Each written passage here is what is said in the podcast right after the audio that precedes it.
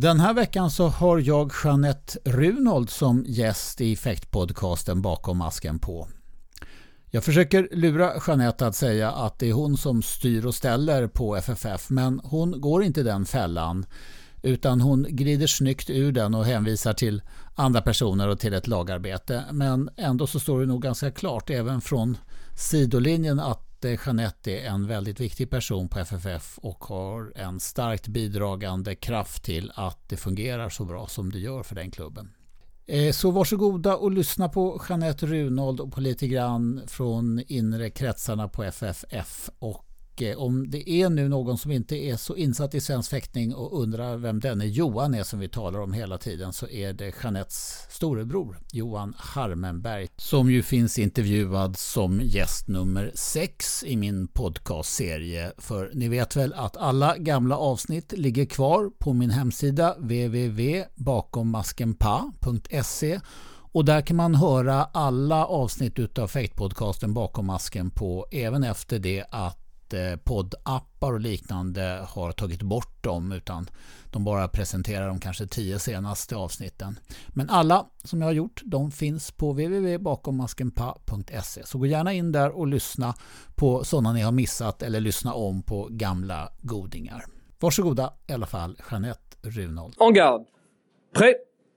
Allez.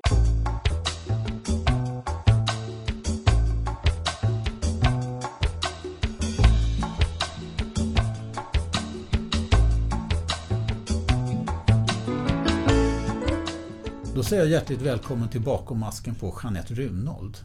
Ja, tack. Vad roligt att få komma som gäst till FFF och hålla intervju med dig. Om jag säger FFFs starka kvinna, vad säger du då? Min mamma. Mm, mm. ja, ja. Det, ja, det men du har gjort fler år nu i klubbens tjänst än vad din mor gjorde? Ja, ja. väldigt många väldigt många fler. Mamma kanske höll på i, nej det var nog bara 10-15 ja. år ändå. Ja, jämfört med Men vad jag har hon, hållit på. Hon kom in när Johan började fäkta. Ja. Och hon Absolut. tog hand om mycket i klubben, styrde upp och eh, administrativt. Ja, hon var sekreterare och skötte över medlemsregister och ja.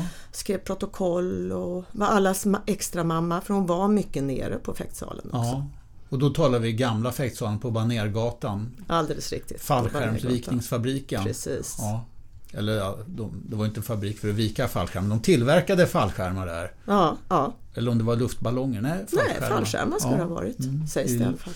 Långa sådana här avlånga lokaler i tre våningar mm, mm. med trappa, smal ja. trappa mellan. Man fick Mycket smal. upp och ner. Ja. Så, så, det är inte du då som gör samma, samma, är inte du som håller ihop den här klubben? Jo, men därifrån till att säga starka, det mm. vet jag inte. Envetna kanske mera. Mm. Hon som är överallt, ja. pillar i allt. Det är inte så att du styr då och ska ha din, utan du ser till att det helt enkelt att det glider, att det funkar? Ja, mera det. Ja. Mm. Just det där epitetet starka, det förknippar man väl mer med någon som ska ha sin vilja fram också, som gärna vill... Ja, ja. Mm. ja det känns inte som jag riktigt. Nej, okay. Men du då, hur kom du in i fäktningen? Johan hade börjat Ja, Johan hade börjat och han tyckte ju, han och Patrik Reuterswärd tyckte att deras småsystrar skulle börja. Mm. Så vi blev ihop, jag och Theresia blev ihop tufsade på sådana här julfester och vi tyckte båda hjärtligt illa om varandra. Jaha. Och så det ville vi inte alls. Men sen hade jag några, jo men Theresia började men, men jag jag började inte då. Sen hade jag några klasskamrater som började, så började jag lära känna folk genom dem. Mm. Och så började jag känna, nej men nu vill jag nog också. För då hade jag liksom börjat nosa lite på det. Mm. Du hade ju Johan gett upp det sedan länge, liksom, att mm. jag skulle börja. Ja. Hur gammal var du då? då? Åh gud, det var 1973 så jag skulle fylla 14, jag var 13. Ja, Nej, okay. nu, nu måste tänka, jag måste tänka. Ja, jag skulle fylla 14. Mm, så gick i högstadiet? Ja, gick i åttan. Ja. Jag började skolan ett år tidigare. Ja, och då hann du i alla fall med Rudolf Meckel, den gamle fäktmästaren på ja, FFF. bara några månader. Sen mm. fick han ju den här hjärtinfarkt, en hjärtinfarkt och sen kunde han inte jobba längre. Nej, okej. Okay. Men så att jag eh, hade honom väl aldrig som tränare, det kan jag inte säga. Ja.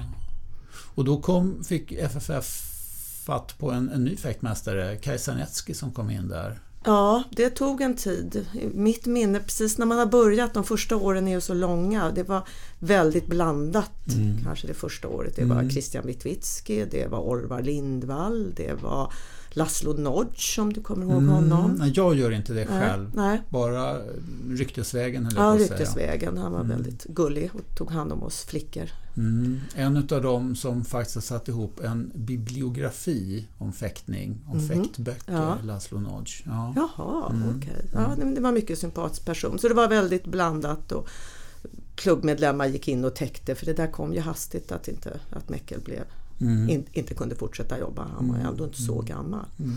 Eh, och sen kom Kaj Czarnecki. Mm. När borde det ha varit då? 75 kanske? Ja, jag tror faktiskt till och med att det var hösten 74. Det var 74. Det Mm. var fasiken bara ett och ett halvt år som jag kommer ihåg i en sån. Ja, Mm. Vad betyder FFF för dig då? Eh, ja, vad säger man? En, en tillhörighet, ett hem, ett, eh, en självklarhet. Mm. För att du har, du har varit närvarande alla år. Från det att du slutade. Du, har du varit borta några år då du inte hade någon kontakt alls med fäktsalen? Eller har jag ammade, Fäkt... Ja. då, då, då tränade jag inte. Men vi, vi var ett gäng. Eh, Vi hade en särskild elväst när vi var gravida, så den gick runt bland oss och så kunde man i alla fall fäkta ett bra tag, liksom, kanske till sjätte månaden. Sådär. Och, sen, och sen fick man lägga av och sen, i alla fall när jag ammade, det var för stökigt. Liksom. Ja, ja, Så det är väl de det- det kan- perioderna. Ja. Eh, För att det, det är ju inte bara så att din bror kommer med fäktning. Du har också tagit det vidare. Vendela dotter, Ja, som var duktig fäktare. ja. Och du hade, hon fäktar än. Ja, alltså gör hon det? Ja, hon tränar tisdagar. Okej. Ja, ska Ja. vara med på SM. Jaha. Har hon lovat mig och nu när jag sagt det nu så kan hon inte Nu hon backa. tvungen. Ja. Mm. Det, vi, ska, vi återkommer till det lite senare. Inte just vad det gäller Vendela, men där du inte kunna backa. Om man tittar tillbaks då, då på dina.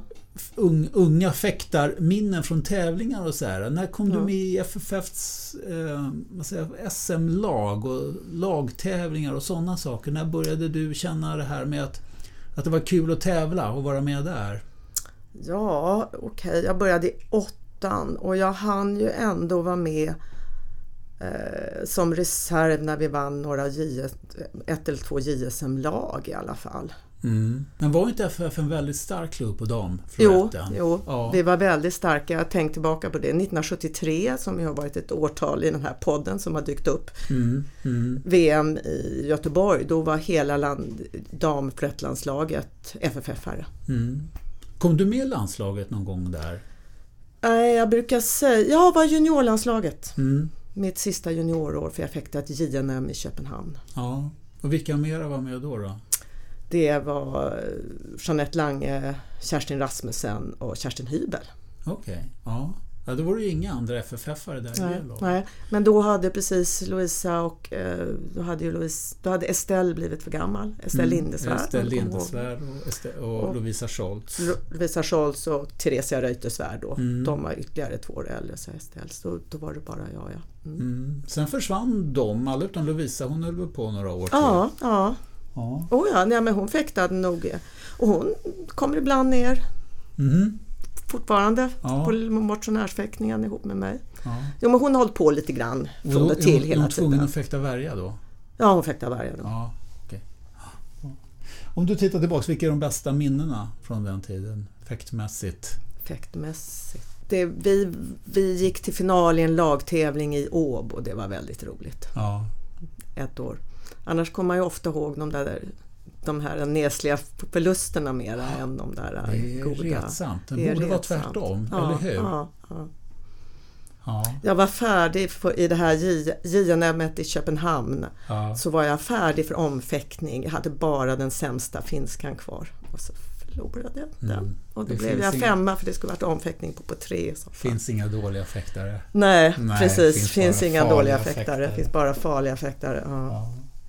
Vad, om du, den som formade dig mest som fäktare, var det Kajsa Netski då? Eller? ja, jag tror att det betyder jättemycket. Han tyckte om mig. Jag, jag fick mycket lektioner så jag fick en mycket, mycket mängd grundträning. Mm. Jag var ju inte någon särskilt idrottsbegåvad. Nej. Inte ett dugg. Jag brukar säga allt jag kan det har jag tränat mig till. Jag har inte haft någon fallenhet Ingenting egentligen. gratis, Nej, utan fått ingenting gratis utan jag har fått jobba och då var det ju jätteviktigt att få den här grund, grundträningen. Om du tittar effektmässigt då, förutom Kajsa Netski, är det andra personer, inte bara tränare, som har påverkat dig? Eller som du har, tycker att du har fått någonting utav inom, inom fäkt, fäktvärlden? Ja, det fanns ju någon som betydde precis när man började väldigt mycket som hette Trude Klum. Det vet inte du vem det är men det var en, en damstjärtfäktare som hade det där goda humöret som liksom Ja. fick alla vara glada, alla vara med och såg alla och gjorde enormt mycket för stämningen. Mm. Ja, Men när hon, blev skadad, när hon blev skadad, hon fick någon konstig allergireaktion på en fäkthandske. Jaha. Så hann den bara svullna upp. Hon kunde aldrig. Men, men just de där personerna som gör att alla är glada runt omkring, de är ju Ja. jätteviktiga. Ja. För annars så har ju FFF, ni har ju haft många jag ska säga många, många ledare och ni har haft väldigt mycket sociala ledare som liksom har tagit hand om, om gruppen. Har vi jämfört med andra? Det kan jag inte... Jag vet inte jämfört med andra men jag, om jag tänker tillbaka Ja. så tycker jag ändå att jag, att jag kan tänka på många namn. Ja, jag har ju varit så mitt i det så jag kan kanske inte Mm. riktigt se det så. Ja. Nej. Ja men det är kanske- bra för jag tycker alltid att vi har haft en trevlig och glad stämning och det är ju alltid nu när eh, Klubben är ju mycket, mycket större än vad den var när vi var på, på Banergatan och det Ja. gäller ju att kunna få den stämningen som man kan ha i en liten familjär klubb till en större klubb, att den ändå sprider sig och det, är, det, är, det är lite en utmaning. Mm. Så att Banergatan lämnade ni någon gång 1982 Ja, typ 82 eller något sånt någon där. gång. Ja. Och då flyttade man till Pipersgatan. Ja. Mm. Var det en omständig process? Var det en upprivande period för klubben? Minns du det? Det är alltid jobbigt att flytta sådär. Jag satt ju inte i styrelsen då för då Nej. satt min mamma kvar och så länge Mm. mamma satt i styrelsen satt inte jag i styrelsen. Eh, Så det, det tror jag inte. Det hade varit mycket jobbigare några år före när då Kaj stack och det var ju Alltså Kaj Janetski Ja, vände på klacken och, Ja. och försvann ut och så var det andra stridigheter. Då var det mycket Mm. jobbigare. På 80-talet så var det nog bättre och Sigge Sobak var väl som styrde lugnt och fint in, in i det där. Alltså Mm. det, nej, det har jag ingen minne av. Så det var inte så traumatiskt då. När man läser eran, eran 100-årsskrift Mm. så står det att, liksom att de här hyresvärdarna bostadsrättsförening på Banergatan, de höjde Ja, hyran ja. så man var tvungen att ge sig ut och leta efter någonting Mm, och då hittade mm. man en lokal på Pipersgatan som var väl lämpad för fäktning. Men det var ändå så att man flyttade till, flyttade till någonting bättre då. Ja, så var det nog. Ja. Och sen hade vi ju samma resa igen när vi kom hit till Döbelnsgatan. Då Mm. var det ju också det var väl också jobbigt och en värld som hela som sa upp oss. Det, det skulle bli bostadsrätter hela huset, Oscar Mm. Properties. Ja. Eh, Men det här blev ju det var ju en jättejobbig process. Då satt jag mitt i den verkligen. Eh, Men det blev ju bättre det här också. Så Mm. Hur gick det till då? Hur hittade ni till den nuvarande lokalen på Döbelnsgatan? Som Ja, ju är en eh, jättefin fäktlokal verkligen. Ja, ja. Nej, det var genom en före detta ordförande som är arkitekt som hade jobbat lite för föreningen här. Mm. Som kände till lokalen, att den stod tom. Ja. Och Så då, det var tillfälligheter. ja. Men ibland är de bra. Ja. Och då kunde ni komma in och fick lägga ner mycket arbete på att få den i, i ordning Ja, lämpad ja, för fäktning. ja, ja. Det, men det var ju lite roligt också. Den processen var ju ja, rolig. Ja. Ja, ni, flyttade, ni rolig. flyttade till någonting bättre då Ja, igen. ja, det tycker jag nog. Om man ska prata utmaningar och svåra tider och sådär. Vad, vad har under dina år här, vad har FFF gått igenom för utmaningar om vi talar mer om lokal? Du nämnde när Kaj Sarnecki, han fick eh, jag visste inte om att det var någon schism. Nu var ju Kaj en person som det lätt blev mycket Det Buller var ju kring. mycket buller kring och vi hade ju andra på klubben som det var buller kring också och det blev ju lite... ja. Så det var ju en jobbig, jobbig, jobbig period. Han drog till San. Antonio sen och blev Ja. tränare för amerikanska Ja, han blev kvar där så Ja. där måste han ju ändå ha kunnat kommit landslaget överens. i modern femkamp. Ja. Ja. jag tror att han var väldigt, väldigt populär Ja, där. ja, Ja. ja. Men han höll lite kontakten. Var han i Sverige så Ja. hörde han av sig till min mamma och sådär. Så Mm. Mm. Sen var det väl perioder där som när det plötsligt så Ja men det går ju upp och ner med hur Ja. många engagerade fäktare man har och det tenderar ju att när några slutar så, så försvinner ju fler med med det. det har ju hänt en revolutionerande sak under din Mm. period. Det är det att det var bara damförrätt egentligen under hela din verkligt aktiva tid. Ja, och i början, de första åren, fäktade damerna bara till fyra stötar medan herrarna Ja. fäktade till fem. Och vi fick bara fäkta tremannalag på SM. Det var ganska länge. Herrarna fäktade fyramannalag. Och som du sa så hade vi ofta väldigt många, så vi har haft alltid många kvinnor på FFF. Mm, mm. Eh, så vi vill ju gärna fäkta fyramannalag, men Ja. det fick vi inte. Vi fäktade fyramannalag på, på DM, men inte på SM. Jaha. När började man fäkta fyra manna på SM då? Ja. När kan det ha varit? Åren går ju ihop. Det måste väl Ja. ändå ha varit eh, sent 80-tal eller något Asså, sånt där så? kanske. Nej, jag, jag kan ha Ja, fel. nej. Nej. jag kan ha fel. Men, men det var länge som vi fäktade tremannalag. Okej. Känns det som i alla fall. Men fyra stötar det bör man väl ha ändrat på på Ja. 60-talet i alla fall? Eller Nej, jag läste 70-talet? faktiskt på och då kollade jag 76. Mm. Men sen så någon gång i, eh, ska vi säga, mitten på 80-talet Mm. så blev det nästan så att damfloretten dog ut i Sverige för att alla gick över till den nya värjan. Och så småningom så, så växlade också de, de tidigare riktigt bra florettfäkterskorna över till värjan i Mm, de generationerna. Och de hade vi hos oss flera stycken då. då. Ja, och så, nu har ju damfloretten i och för sig återkommit på den svenska arenan efter att ha nästan varit helt borta un, under många år. Ja, det var bara vi gamlingar så jag fick vinna lag-SM ett antal gånger. Ja. Men om du tittar lite mer på dam, på damsidan i fäktningen. Vad, vad, vad tycker du att man kan se för, vad har hänt i Sverige? Det har ju hänt jättemycket. När vi började då var ju det fanns inga träningsläger för damlandslaget, det var ingen ordning, det var ingen... Det var, det var väl kul, de tog väl ut ett landslag som skulle till VM och sådär men, men det var ingen struktur, det var ingen som egentligen brydde sig så mycket. Kerstin Palm var ju duktig, hon fick ju sin beskärda del men hon gjorde väl sitt eget race hela tiden Ja, så att säga. ja. Vilket hon ju behövde göra för hon var ju en särklass. Ja. Så att vi, vi, vi var en grupp damfloretister som gick ihop och började bråka med förbundet för vi ville ha en damflorettledare som brydde sig om damfäktarna. Mm. Så vi fick bråka där ett tag och sen till slut så gick förbundet med på det. Så den personen som hade haft det på sitt bord han avgick och så kom Ulla-Britt Jönsson som var en fäktledare från Halmstad fäktsällskap som satt i styrelsen. Och hon, hon verkligen brann för det här för flickor och dam. Hade för Ulla, damer. Britta, hade hon själv eh, Nej, hon hade själv? aldrig fäktat och Nej. jag har funderat på, hon hade ju en dotter som fäktade men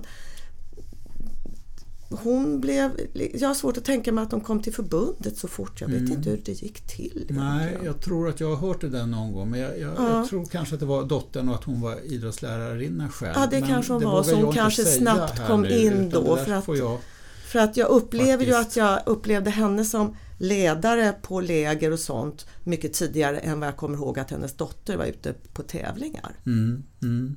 Exakt hur det där hänger ihop får jag återkomma till i ett annat podcastsammanhang. Ja, Men ja. det är klart. Eh, Så där är det här något- tänket att herrar och damer, att pojkar och flickor har samma rätt Mm. till idrott. Ja, det är ju lite, det är ju lite nytt. Jag, Mm. jag har ju just, jag, jag såg på det här äh, på, nätet en sån här Årets idrottsår 1973 Mm. och det var ju det året som, som fäkt, fäkt-VM gick i Göteborg och det gick ju så bra för Rolf och det togs medaljer. Så då tyckte jag det var kul att se på den där för det ska vara fäktning i. Och då börjar den här entimmes sammanfattningen med lite Ulrika Knape, liten friidrottstjej och sen säger de i princip ja och nu ska vi gå vidare till den riktiga idrotten. Mm. Tror inte bara att de menar fäktning då? då? Nej, det, Nej, det nej tyvärr, för då de skulle det vara herridrott. 55 minuter fäktning. Det hade ju varit jättebra om det var. Ja. Så Ja. då inser man vad mycket som har hänt. Ja, ja. Och fäktning är en idrott som vi har haft tidigt, haft svenska mästerskap för damer, varit med på OS sedan 24 Ja, eller något jag sånt tror att där. det är 24, Fyra, ja. varit Ja. Mm. med jättetidigt så vi har ju verkligen ändå varit delaktiga i Mm. idrottsvärlden inom fäktningen och ändå så fick vi, fick vi bråka på 70-talet för att få lite träningsläger Ja. och så.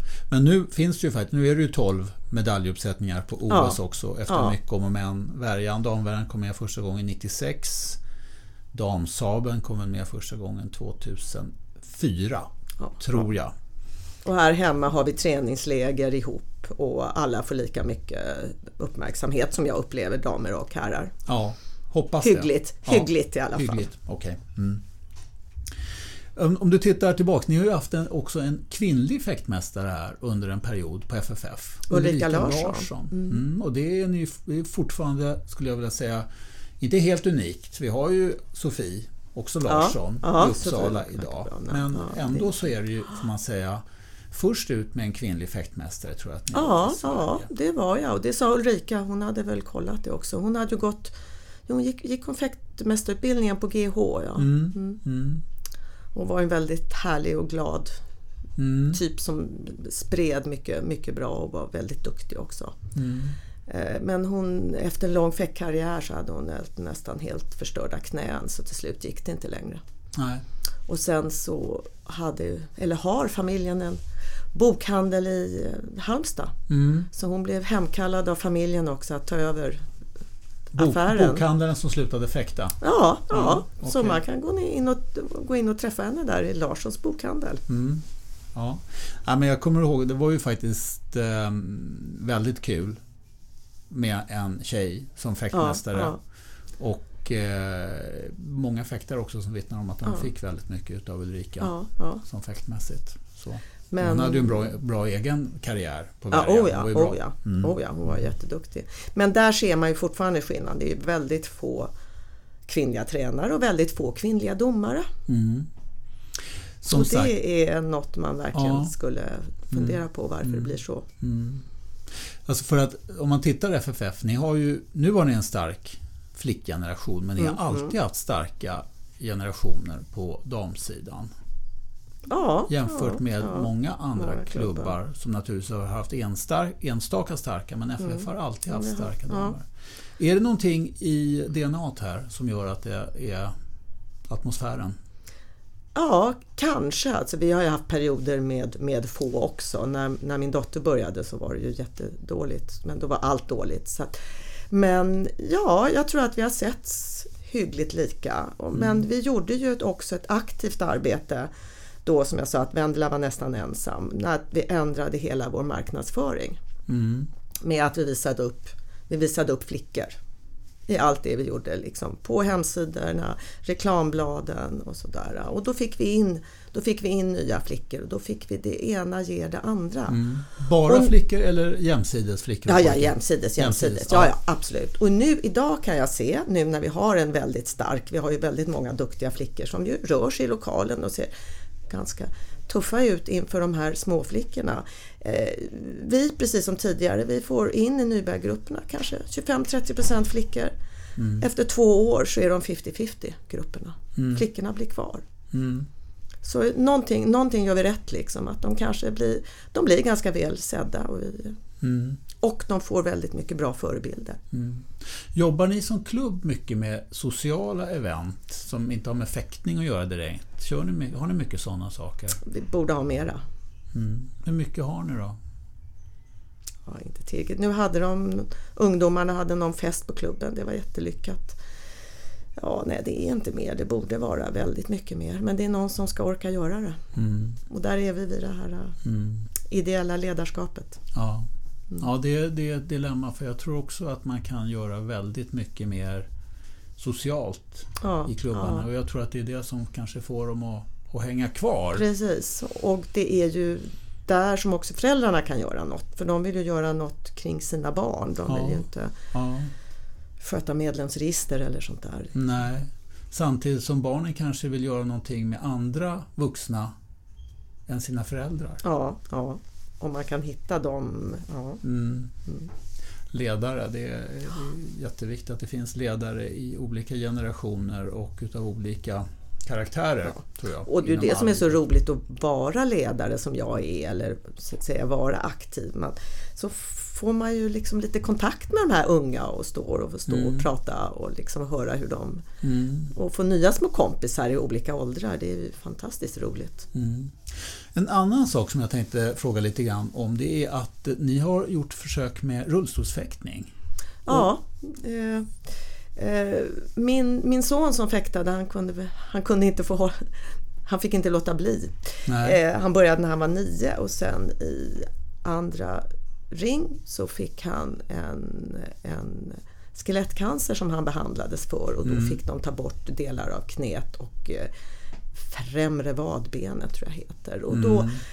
då sa vi, ja men då skulle vi, ja, vi trodde ju, eller han trodde och vi trodde att det var lätt att bli duktig i rullstolsfäktning så då tyckte vi att det var ett spännande projekt och det var något att tänka på när han var sjuk och sådär. Så att då satte vi igång. Efter det när han var bra så började vi, jag börja grota i den här världen som är fylld av ännu mer tekniska regler. Hur stolen ska se ut och hur vinkeln på sätet ska vara på stolen och sånt där. Ja. Och så åkte vi ut och han tävlade en del. Mm. Ehm, och man kan konstatera att de är väldigt duktiga. Ja. Det var inte så att han bara kunde komma dit och ta segrar. Han gick ur poolen men inte mer. Mm. Liksom. Det. Men du, eh, hur ser det ut i Sverige? Det finns någon annan klubb som eh, ägnar sig åt rullstolsfäktning? Inte just nu. Nej, okej. Okay. Ingen eh, just nu. Det har funnits på olika klubbar. Mm. Nu senast det är som tog kontakt med mig är Malmö Gripen som har pratat om att de skulle starta lite sån verksamhet för de har en tränare som är intresserad av mm. Mm. Det gäller att få upp ett antal, det var väl det Jakob kände var inte så ja, man måste ha lite motstånd. Man måste ha motstånd, ja. ja. För att idag, alltså i Sverige om man tittar så är det ganska så väl ändå med idrott för rullstolsbundna. Ja, ja. Så att det, det är inte så att det står, finns jättemycket rullstolsbundna som skriker efter att få börja idrotta Nej. och därför vill komma och prova på fäktning. Så att, eh, det är klart, man, man, måste ju ha några att möta. Man måste ja, vara ett gäng ja, som kör ja, där. Ja. Sen kan man ju mötas. Det är ju bara att hoppa ner i stolen. Och det är ju... Ja, så att det, det, går ju. Men, ja. Ja, Men skaffade ni en ramp då? Eller vad man... Rampen fanns den, ja. och den har nu tagits över. Den har varit upp, Uppsalas, den fanns i Uppsala. Och så fanns det stolar, så fanns det stolar som fanns hos C4 eller mm, ja, de var nog där nere eller? i Kristianstad och det tog vi hit upp. Det har nu förbundet tagit hand om för, mm. nu, för nu ska de sakerna finnas på mm. förbundet. Så det finns i alla fall utrustning, det grundutrustning finns full utrustning, för absolut. Mm. Stolarna är kan man inte tävla internationellt fick vi lära oss. På. Det var vinklar med hur sätet var och det var ja, de var för låga. Och mm. vad det var. Men det, ja, det, det finns alltså. Och det, jag måste säga när man varit ute och sett alla dessa fäktare, man, det är ju så beundransvärt. Och ja. Att se, se vad de ändå kan uppnå. För vissa är ju ganska, ganska handikappade på mm. alla möjliga sätt och då ser man vilken vilken bra verksamhet det är ja, att det finns. Ja, alltså. ja. Och jag hoppas att alla har tittat på den här italienskan ja. Eh, Beatrice Vio, för ja. hon är ju helt makalös. Ja, en fighting spirit om man säger. Helt otrolig. Helt ja. otrolig. Oj, oj. Mm. Mm. Du, eh, på äldre dagar, du fäktar ju fortfarande här. Ja, absolut. Ja, och du hade fått vara med och vunnit några lag-SM också sa du? Ja, i florett. Ja. Då, när, då när förrätten kom på deken så vann vi ett antal lag-SM. Ja, men du, du, har inte varit med FFFs lag på Värja? Nej? Nej. Nej, okej. Okay. Ni har ju haft ganska så starka lag ja, också. Ja, nej, där har jag nog inte plats. Jag har, jag har fäktat lag-SM Värja mm, mm, i något mm. typ tredje lag eller något sånt där. Mm. Vi hade ett tantalag här om året som ja, vi blev bäst av de sämsta så att säga. Alltså, när man körde bak, ja, baksidesturneringen ja, så, ja. så vann i alla fall. Är det, är det då, är det, om man säger gamla fäktorskor som kommer ja, tillbaks eller är det nya? Nej, men det var ju gamla. Det var, det var ju Lovisa Scholz och så var det Pia, om du kommer ihåg Pia Pettersson från SAF? Ja, ja. Oh ja. Mm. Mm. Så, men, men, så, men du kör fortfarande, du tränar? Ja, ja. Mm. och nu är målsättningen veteran EM i konjak. Jaså? Ja. Vad roligt. Ja, ja. jag är yngst i 60 plus. Mm. Och sen så vet jag att det är ett veteran-VM också så småningom när det är lagtävling med. Just det, och det hoppas jag då att de behöver en 60-plussare. Jag vet inte riktigt hur det fungerar. De säger att det är så att de behöver ja, en där. Ja. Har, jag, har jag faktiskt fått medskick till dig nu. Ja, ja, ja vad bra. Ja, det... Nu vet jag inte när jag kommer lägga ut den här podcasten men, men i alla fall. Det finns de som säger att det kommer att behövas en där i 60-klassen. Ja, och det finns ingen annan så det är jättebra. Och det går i Kairo säger de. Det är jättekul. Jag har varit ja. där flera gånger. Mm. Ja. Men konjak först i alla fall. Men det är första gången du är med på ett sånt här veteran Ja, nej, jag var nere och fäktade lag för kanske tio år sedan mm. eller något sånt där. Mm. Men jag har rest när mina barn har fäktat och då har jag inte tyckt att jag ska resa för mig. Men nu har jag inga barn att resa nej. med till fäkttävlingar. Då får jag börja resa lite själv. Mm. Eh, Jeanette, är det något mer om FFF som, som du tycker att jag har missat som man skulle kunna lyfta? Jag är ju nyfiken på FFF så mycket som möjligt för att ni har en stor verksamhet här i lokalen. Det är, är, skolor i lokalen på dagarna. Ja, vi har ju, vi har ju hyresgäster. Ja, en friskola här hela, hela Men ni dagarna. disponerar egentligen för fäktning lokalen varenda eftermiddag? Ja, och hela helgerna. Ja. Vi har ju en väldigt, vi har en bra Alltså det är ju svårt som en klubb att vara, man försöker vara bra på allt men det är väldigt svårt. Det är svårt att både vara bra med elitverksamhet och sen ha en bra breddverksamhet där alla mm. får plats mm. och sen har vi motionärsverksamhet och ett gäng mycket entusiastiska sabrörer. Mm. mm. Så att vi har ganska mycket och det, det är ju på gott och ont. Ja. Det Hur många fäkttränare slash fäktmästare är det som ni Alla har så roddar? olika vi, ja, vad har vi? Alltså, vi har ju Thierry mm. på 100, Grigori på 75, mm. Max på ett antal timmar, mm. Miguel på ett antal timmar och sen mm. har vi ett antal ungdomstränare. Ja. Och nu har jag säkert glömt någon som blir jättearg. Ja. Brukar bli Benedikt. så. Ja, ja. Ben är Sen är de, de som mer eller mindre kommer in och hjälper till på egen. Ja, ja. och så lite ungdom, och en ungdomstränare som har gått steg ett och, ja. och, och sådär. Så. Mm som tar bitar. Så det är ju det är ett plock och det är svårt att hitta bra kompetens. Alltså. Mm. Och domarfrågan? Ja, domarfrågan är ju... Eh, mm. Den, är, den är också en utmaning för oss. Den är väl en utmaning för alla klubbar och vi är ändå alla. många men ändå är det ett elände att få ihop när man väl ska ha sina pliktdomar. Mm. Mm. Det, så det, och sen är det ju det, men det har alla klubbar, föräldrar, att, att, att få in flera nya mm. nya föräldrar i, mm. i verksamheten. Ja. Och där vet vi ju att de andra stora lagsporterna, där är ju föräldrarna tvingade att komma. Det men ja. de, de, får inte vara med om de inte står i kiosken en helg varje, ja, varje ja. termin och säljer korv och kaffe. Precis, men hur ska man eh, förpacka det här mm. alltså? Mm. Det är de här 100 000 kronors frågorna. Ja, precis, precis. Som vi har att lösa. Jag brukar säga att ni behöver inte sälja korvar men ni kommer att hjälpa oss ibland. Men det, mm. Mm. De är glada att inte sälja korvar. Mm. Och lotter då, behöver de inte heller sälja? Nej, nej, nej. nej.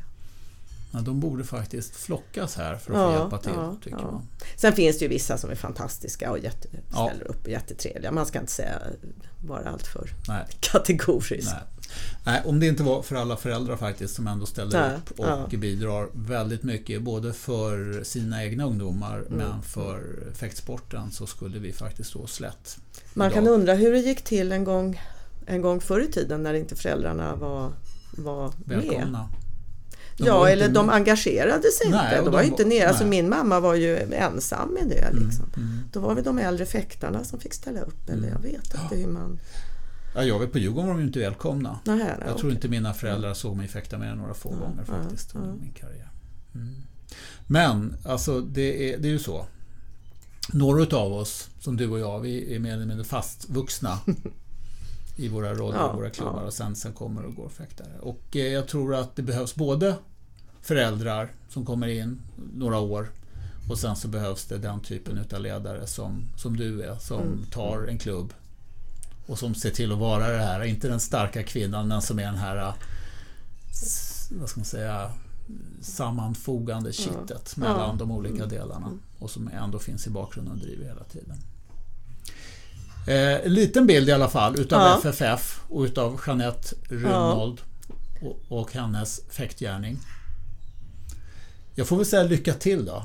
Även om det bär mig lite emot. Men ändå. Men jag tackar inte för man ska inte tacka. Nej, men jag säger i alla fall lycka till på veteran-EM i ja. Konjak och eh, på småningom på veteran-VM i Kairo. Det ska bli kul. Tack Jeanette ja. för att du ställde upp. Ja, bra. Mm, tack. tack.